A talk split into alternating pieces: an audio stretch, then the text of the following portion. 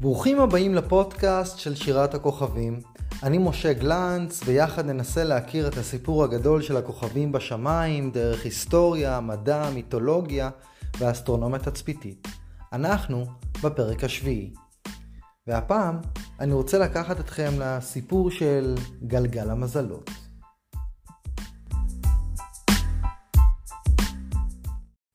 אם אני אשאל כל אחד או אחת מכן מהו המזל שלו, מן הסתם תדעו לומר לי את זה בשלוף, ממש מתוך שינה. אני אגב מזל תאומים. אבל מה זה אומר? כלומר, מה הדבר הזה, איך הוא קשור בכלל לשמיים? אז בפרקים הקודמים דיברתי לא מעט על קבוצות כוכבים, יש לי אפילו פרק שלם על קבוצות כוכבים, אפשר גם לחזור ולהקשיב. יש לנו 88 קבוצות כוכבים, אבל מתוך 88 קבוצות הכוכבים יש לנו 12 קבוצות שהן קבוצות מלכותיות. מה הופך אותן לכאלו קבוצות חשובות? אז התשובה היא מאוד פשוטה, זה פשוט המיקום שלהם בכיפת השמיים. יש לנו מלא קבוצות כוכבים, אבל רק 12 מתוכן מארחות את השמש ואת כוכבי הלכת. אבל בוא נגיד שהשמש זה החלק החשוב יותר. אבל מה זאת אומרת מארחות את השמש לאורך השנה? אז כדור הארץ מסתובב סביב לשמש, ולכן מדי חודש השמש תיראה זורחת על רקע מסוים מתוך 12 קבוצות הכוכבים. כן, חודש אחד השמש נמצאת על רקע מסוים, יעבור חודש, אנחנו כבר נזוז עוד אה, חלק של 1 חלקי 12 סביב לשמש, ולכן השמש כבר תיראה זורחת על רקע אחר של כיפת השמיים.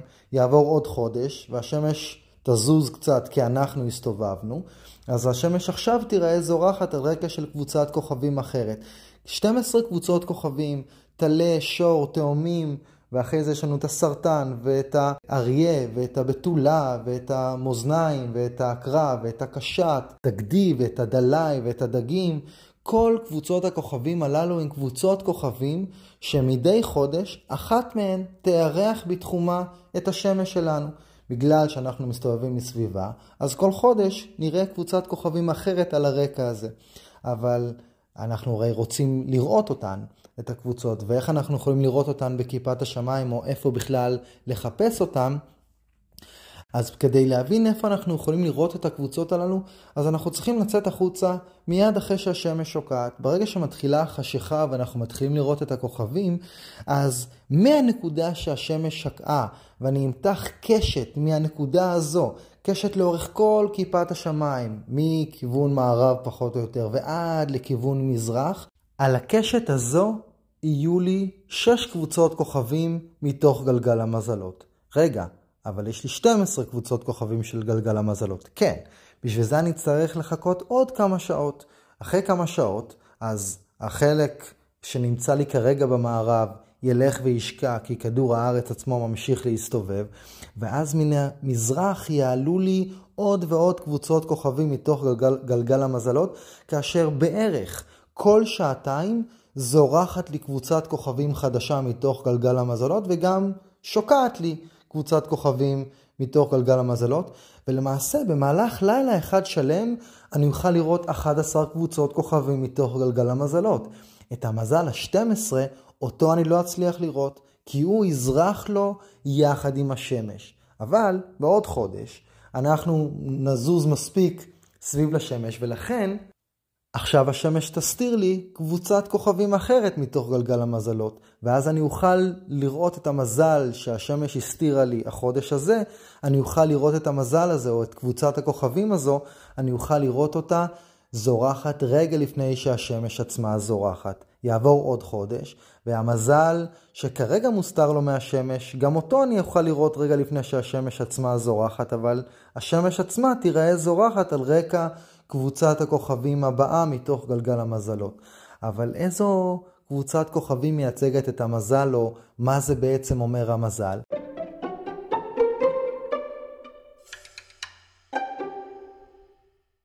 הקדמונים שמים לב שיש לנו 12 קבוצות כוכבים שמארחות בתחומן את השמש, והם אמורות, אומרים לעצמם את הדבר הבא, השמש מעניקה לנו מחומה, מטובה, מאהבתה, היא משפיעה עלינו את כל האנרגיה הטובה שלה, אבל גם הכוכבים מאחוריה משפיעים עליה, כי יש לנו חורף וקיץ, סתיו ואביב, יש לנו פה שינויים פה בכדור הארץ. כנראה שההשפעה הזו קשורה לרקע של השמש. הרי כל חודש הרקע משתנה, ואם הרקע משתנה, כנראה שהרקע זו הסיבה לשינוי שקורה פה. פתאום מגיע החורף והכל ככה נהיה קר וקפוא, ואז מגיע האביב והכל פורח וירוק, ואז מגיע הקיץ, ואז לאט לאט הדברים הופכים להיות זהובים, ומגיע הסתיו. כן, כל השינויים הללו, הם לא מבינים את הסיבות האמיתיות, או עדיין לא יודעים אותם כפי שאנחנו מכירים היום. הם אבל שמים לב שיש איזה משהו תבניתי. כל הזמן אנחנו נראה את השמש זזה על הרקע של הכוכבים האלו לאורך השנה. וכן, אנחנו מסתובבים מסביבה, אבל הם עדיין לא מבינים את הדבר הזה. ולכן הסיפור של האסטרולוגיה נכנס לתמונה לפני כשלושת אלפים שנים בצורה הרבה יותר מתודית. ומה שהקדמונים עושים, זה גם כן להכניס עוד שלב. כלומר, להכניס עוד אלמנט אל הסיפור הזה, וזה חיזוי של מה יהיה העתיד. הרי אם אני בתור אצטגנין או חוזה בכוכבים, אני יודע איפה השמש תהיה בעוד שמונה חודשים, על רקע איזה כוכבים השמש תהיה בעוד כך וכך חודשים, אני אולי אוכל לחזות את העתיד בהתאם לזה ולתת תחזית וגם לעשות מזה לא מעט כסף. ותשימו לב אגב, שהאסטרולוג גם במהותה היא תמיד טרגית, היא תמיד מאיימת והיא תמיד מפחידה, או על פי רוב זה מה שהיא עושה. מזהירים אותנו לא לצאת מהבית ושהמזל הזה לא יתחתן עם בן המזל הזה. וכן, הרי אנשים תמיד רצו לדעת איך, יהיו, איך ייראו החיים שלהם והאם הם יצליחו בחיים. אז הם היו הולכים לבן אדם שמבין בכוכבים, שאולי יוכל לתת תחזית על פי זה. אבל רגע, 99% מהתחזיות בכלל לא עובדות, אז איך בכל זאת עדיין הדבר הזה מצליח לקבל תאוצה ולקבל אפילו אה, איזשהו מדע שהוא בכלל לא רלוונטי, אלא הוא ממש היה מדע מבחינתם. אני אגע בפרק הזה בהרבה מאוד סיבות, אבל בואו נבין שנייה את הרעיון. אם אני בתור אצטגנין בחצרו של מלך, וכל מלך החזיק בחצר שלו אצטגנין חוזה בכוכבים שייתן לו תחזיות, ואותו אצטגנין לא הצליח לחזות את. זה שהשנה לא תצמח, לא צמחה החיטה כמו שצריך, או הבן של המלך נפל ומת מהסוס, אז רגע, זה, אם לא חזיתי את הדבר הזה קודם לכן, כנראה שאני בתור אצטגנין כבר לא אמשיך להיות אצטגנין, ואפילו גם אני אמצא את עצמי בלי ראש. לעומת זאת, אם אני נותן תחזיות מופרכות אמנם, אבל 99% מהן איומות ונוראות והן לא עובדות, מה אז אני יכול לבוא ולומר?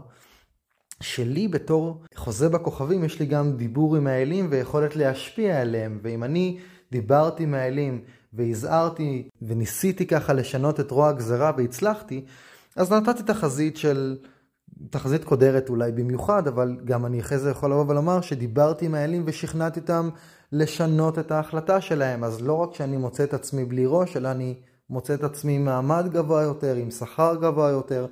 כלומר, זה עובד טוב לשני הכיוונים.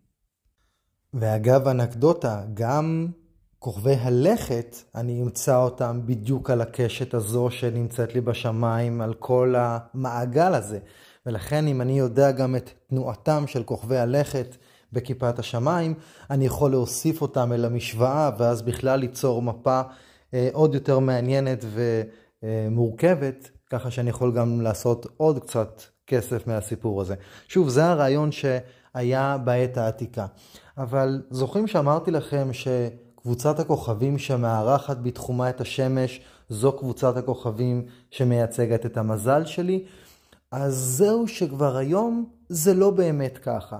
כלומר, יש את כל 12 קבוצות הכוכבים של גלגל המזלות, אבל אם אני מזל תאומים אסתכל על השמיים ביום הולדת שלי, אני אוכל להבחין שהשמש לא נמצאת על רקע של, של מזל תאומים, אלא השמש נמצאת על רקע של קבוצת כוכבים קודמת, כלומר של מזל שור. ואם מישהו בן מזל שור מסתכל על השמיים ביום הולדת שלו, אז הוא יוכל לראות את קבוצת הכוכבים שור רגע אחרי שהשמש שקעה. על רקע איזו קבוצת כוכבים השמש נמצאת? השמש נמצאת על רקע של קבוצת הכוכבים טלה. אבל רגע, זה לא המזל. אז מה קורה פה? וכדי להבין את זה, אני רוצה להכניס מושג נוסף, וזה מושג שנקרא עידן או עידנים.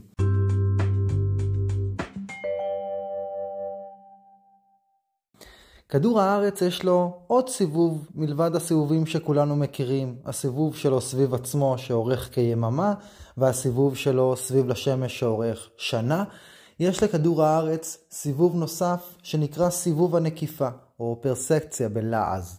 והסיבוב הזה הוא סיבוב שמשפיע על עונות השנה ועל המיקום של השמש בשמיים, על רקע המזל, וגם הוא משפיע על כוכב הצפון. כוכב הצפון לא תמיד זה, יהיה הכוכב הצפון שאנחנו מכירים כיום, וזה גם כן משתנה לאורך השנים. מה משנה את כל הדבר הזה גם יחד? זה הסיבוב הזה, סיבוב הנקיפה. ומה הוא בעצם, מה קורה שם? מה זה הסיבוב הזה? אז כדור הארץ הוא נטוי ביחס לשמש, שבנטייה של כ-24 מעלות.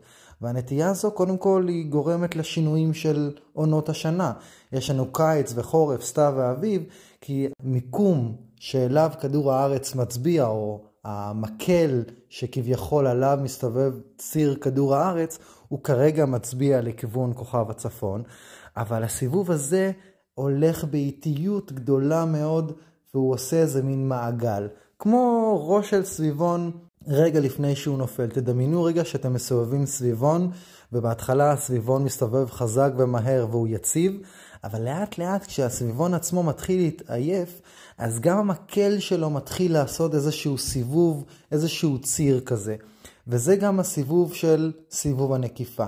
עכשיו תשימו לב שהשינוי הזה הוא מאוד מאוד איטי, כלומר סיבוב שלם כזה של הציר של כדור הארץ אורך 25,800 שנה, כמעט 26,000 שנים, אבל כל 2,150 שנה אז הציר זז בכ-30 מעלות, ולכן המיקום של השמש ביום שוויון האביב משתנה.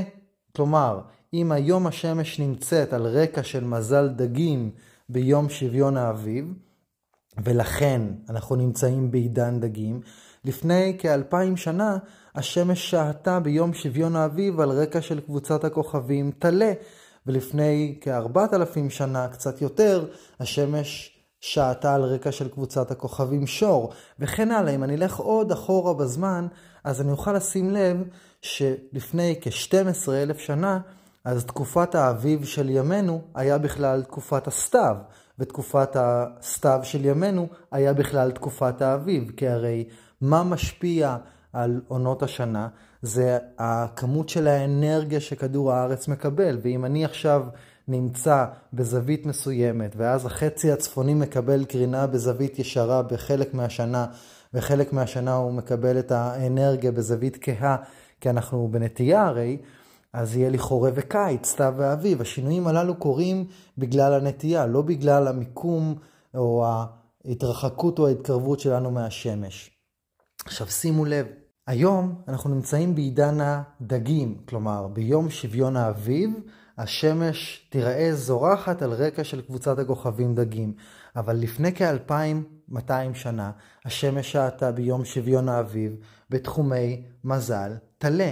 לכן לפני כ-2150 שנה או קצת יותר, השמש באמת שעתה ביום שוויון האביב במזל של הטלה, ולכן גם מזל תאומים היה כשהשמש שעתה על רקע של מזל תאומים, אבל מאז, בגלל שהסתובבנו קצת עם ציר הנקיפה, אז השמש ברחה מזל אחד אחורה. והעידנים זה בעצם משהו שגם פוגש אותנו בהרבה מאוד אה, מושגים אחרים מתחום ה... גיאוגרפיה ומתחום הארכיאולוגיה. אם תשימו לב, כל מיני סיפורים מתקופתו של הולדתו של ישו, אז אנחנו מוצאים הרבה מאוד סיפורי דגים, סיפורי הלחם והדגים, וגם בכנסיות עתיקות אפשר למצוא לא מעט פיתוחי אבן עם דגים. וזה קשור לעובדה שבאותה תקופה נכנסנו לתחומי מזל דגים. לפני כן היינו במזל טלה, ולכן גם במצרים העתיקה המצרים הופכים את הטלה לאל, כי בתקופה ההיא הטלה, שהוא גם אה, בוא נגיד האל המון, הוא התחום שהוא אותה קבוצת כוכבים שמארחת בתחומת השמש ביום שוויון האביב, וכן הלאה. כלומר, כל עידן יש לנו איזשהו שינוי שמתרחש פה בכדור הארץ, איזושהי התפתחות מסוימת, ואת ההתפתחות הזו מייחסים אל הרקע של השמש ביום שוויון האביב, כי זו התקופה גם החשובה ביותר, זו התקופה שהכל ככה פורח ויש לנו חיטה לקצור ויש לנו אה, צאן לגזוז ואפילו גם כן תונת ההמלטות. ולפני כעשרת אלפים שנה תקופת ביות החיטה, שמש שואה על רקע מזל אה, בתולה, והבתולה פרספוני היא זו שמחזיקה את השיבולת ביד שלה. לפני כששת אלפים שנה יש לנו את התקופה שבה בני אדם ביית, בן האדם ביית את השור והשור הפך להיות חלק מעבודת השדה.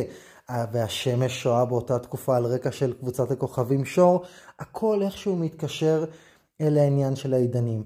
אבל למעשה זה גם אומר שהמזל האסטרולוגי שלי היום הוא לא בעצם אותה קבוצת כוכבים שמייצגת את המזל שלי.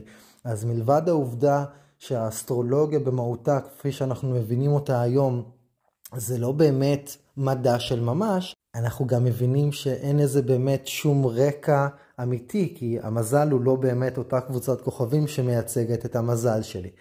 אז בוא נגיד שפה זה נשאר רק בקטע של פול, פולקלור, אבל זה לגמרי בסדר, גם כן להמשיך להאמין בזה. אבל עד כמה שזה יישמע לנו מוזר, הסיפורים שהקדמונים סיפרו ותיארו באותה תקופה, באותם ימים, זו הייתה דרך מאוד מאוד טובה לתאר מדע, והמדע הזה, תאמינו או לא, עובד עד היום. אני יכול להסביר דרך סיפור שמימי שהם ראו אז, למה יש לי את השינוי של עונות השנה וקיץ וחורף וסתיו ואביב. ושימו לב, בגלל שאותה קבוצת כוכבים שמארחת בתחומה את השמש ביום שוויון האביב היא הקבוצה החשובה ביותר, אז לפני כעשרת אלפים שנה זה תקופת ביות החיטה. ושימו לב, הם הרי לא יודעים למה יש עונות שנה, למה יש קיץ או חורף או סתיו או אביב, אז הם מתארים את הסיפור הבא, והוא בעצם נותן להם את כל היכולת להסביר את הדבר הזה בצורה די מדעית, ותאמינו או לא, זה עובד. ובואו רגע ניקח איזשהו סיפור אה, סביב ביות החיטה.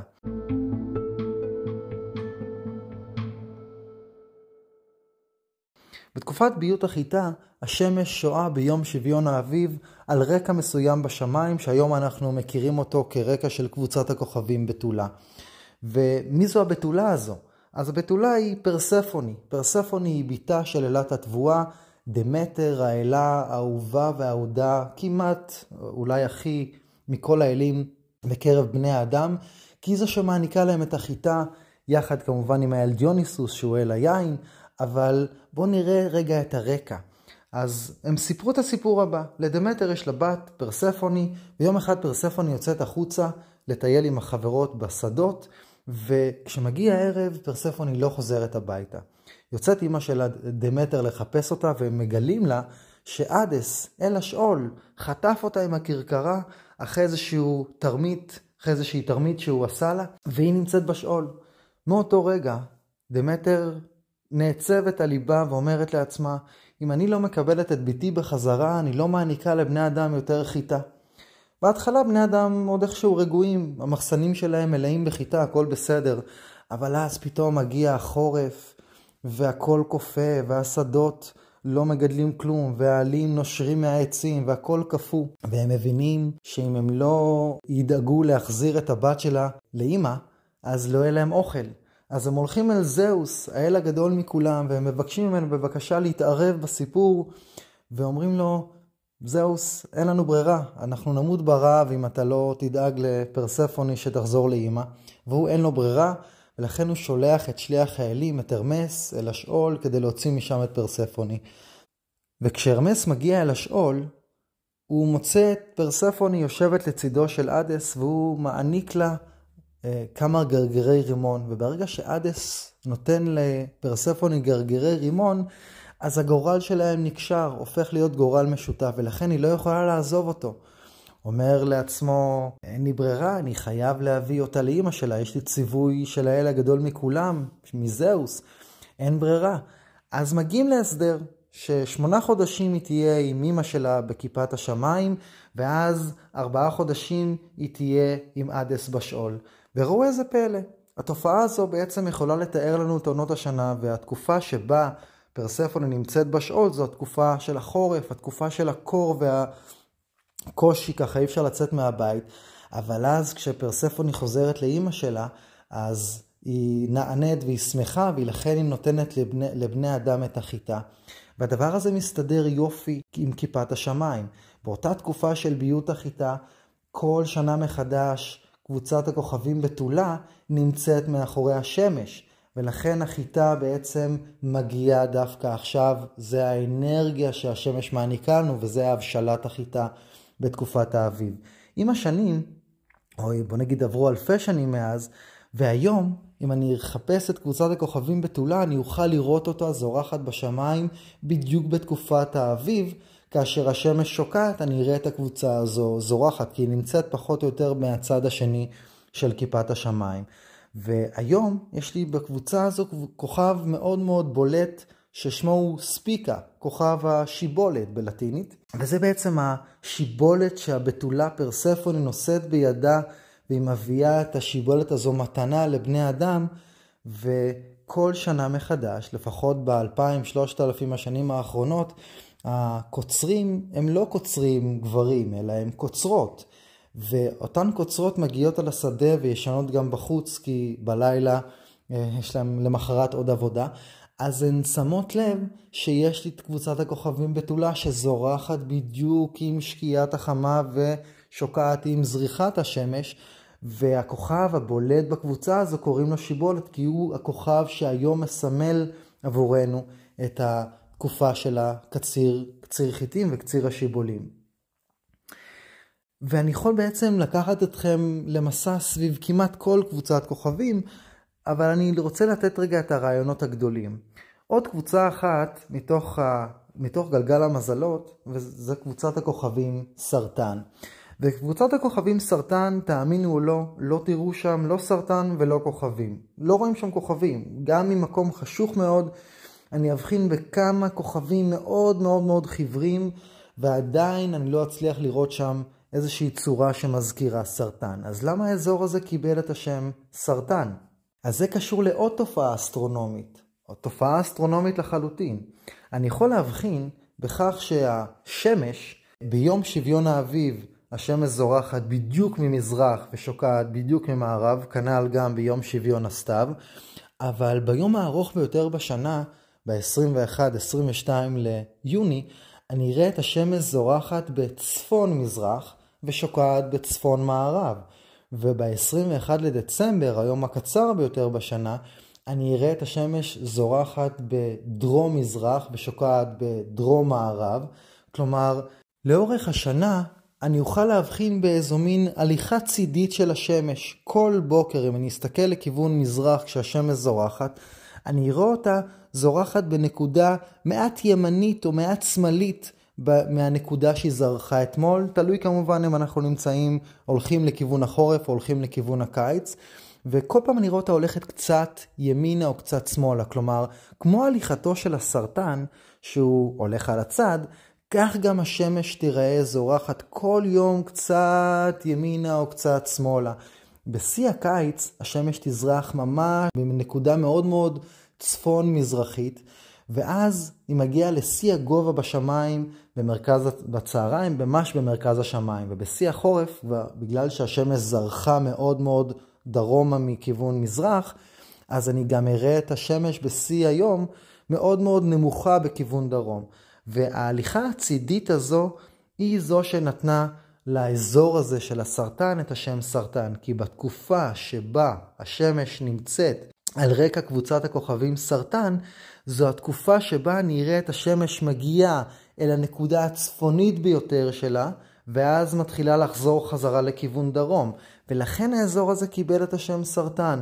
אין איזה קשר לצורה של הקבוצה הזו בכיפת השמיים. שימו לב גם שקבוצות הכוכבים של החורף, גם הדלאי, כן, אנחנו לא מכנים את הדלאי דלי, למרות שכולם מכירים את המזל הזה בתור דלי, אבל האמת היא זה קצת מעליב לקרוא לו דלי. זה כמו שאני אקרא לרצף שלי בלטה. כן, זה בן אדם שמחזיק את הדלי ביד והוא שופך לנו את המים מעל הראש. מה קורה בתקופה הזו שזה, שזה המזל? זו תקופת החורף, בתקופה הזו יורד לנו גשם מהשמיים, ולכן אותם קדמונים יכולים לדמיין צורה של בן אדם שנושא ביד שלו דלי ושופך לנו מים מעל הראש. גם קבוצת הכוכבים הבאה בתור, מזל דגים, זה גם כן איכשהו קשור למים, כן? הרי איפה הדגים נמצאים? בתוך המים. אבל שימו לב, זה גם מסביר את העובדה שהקבוצה הזו כמעט ולא נראית. כלומר, לא נוכל לראות שם דגים, כמעט וגם לא נוכל לראות שם כוכבים. למה לא רואים את הדגים? טוב, נו, זה ברור. הדגים נמצאים בתוך המים, לכן אי אפשר לראות אותם. וכל התיאורים האלו, כל הסיפורים האלו בעצם יכולים לתת לקדמונים את היכולת להסביר תופעות. אבל כדי לתת גם את ההקשר המלא, הקדמונים גם מספרים סיפורים. ביוון העתיקה הסיפור הגדול של השמיים יחד עם האלים הגדולים ומה שקורה פה בכדור הארץ מתערבב לו, ולכן גם הם יכולים להסביר למה לא רואים את הסרטן. כמו שלמשל לא רואים את הדגים כי הם נמצאים בתוך המים, גם את הסרטן אי אפשר לראות, אבל למה אי אפשר לראות את הסרטן? אז זה קשור להרקולס. הרקולס הוא גיבור יווני, גיבור טרגי אפשר לומר. הסיפור הטרגי הקלאסי של יוון מתבטא בו בדמות הזו מאוד מאוד אה, חזק, והוא דמות שכל הזמן מוטלות עליו משימות שמסייעות לבני אדם אחרי שהוא ביצע פשעים, ואחת מהמשימות שמוטלות עליו זה להרוג את ההידרה, את נחש הים, מפלצת מים מפחידה שמטילה את חיטתה על פני אזורים נרחבים ביוון, והוא יוצא להילחם בהידרה. וכשהוא נלחם בהידרה, מנצלת את הרגע הזה הרה. הרה היא אמו החורגת של הרקולס, הרי הסיפור של הרקולס מתחיל כאשר זהוס מגיע הביתה עם תינוק ואומר לאשתו החוקית הרה, הרה, יש מצב שאת מניקה לי את הילד? אומר לה, אומרת לו, מאיפה הילד הזה? אז הוא אומר לה, זה מאלקמונה הבאתי אותו. אז היא אומרת לו, אז תביא אותו לאלקמונה שהיא תניק אותו. אבל הוא אומר לה, אני רוצה אותך בתור המנקת כי החלב שלך הוא חלב של אלים, אז בבקשה תעזרי לי להפוך אותו לאל. אבל כמובן שהרה לא בדיוק מוכנה, ואומרת לו לא. אבל הוא לא בדיוק אוהב את התשובה הזו, מחכה שהרה תירדם. וכשהרה נרדמת הוא מניח אותו עליה, ואז הוא מתחיל לינוק ממנה, ובאיזשהו שלב הרה מתעוררת ומגלה את התרמית, אז היא כמובן משליכה את הרקולס לכל הרוחות, אבל החלב שלה ממשיך לשפוע ויוצרת מה? את שביל החלב. אגב, המילה היוונית לחלב זה גלקס, כלומר אנחנו עד היום מתארים את המילה גלקסיה, גלקסיות, על פי אותו סיפור מיתולוגי יווני. אבל הרקולס גדל בסופו של דבר, ולכן גם הרה מנצ... מנצלת וכל מיני רגעים בחייו כדי לפגוע בו ולהרוג אותו. וברגע שהוא נלחם בהידרה במפלצת הים המפחידה, שכל פעם שכורתים לראש אז צומחים לה ראשים חדשים וצריך לשרוף את הגדמים, הרבה מאוד עבודה, והוא בשיא המלחמה, היא שולחת לעברו סרטן שיעקוץ אותו, והסרטן הולך ומתקרב לעברו של הרקולס כמובן בהליכה צידית, והרקולס רואה את הסרטן מתקרב לעברו, שולח רגל ארוכה ודורך עליו ומועך אותו. אז איפה הסרטן? כמובן הרקולס מעך אותו ולכן לא רואים אותו בכיפת השמיים.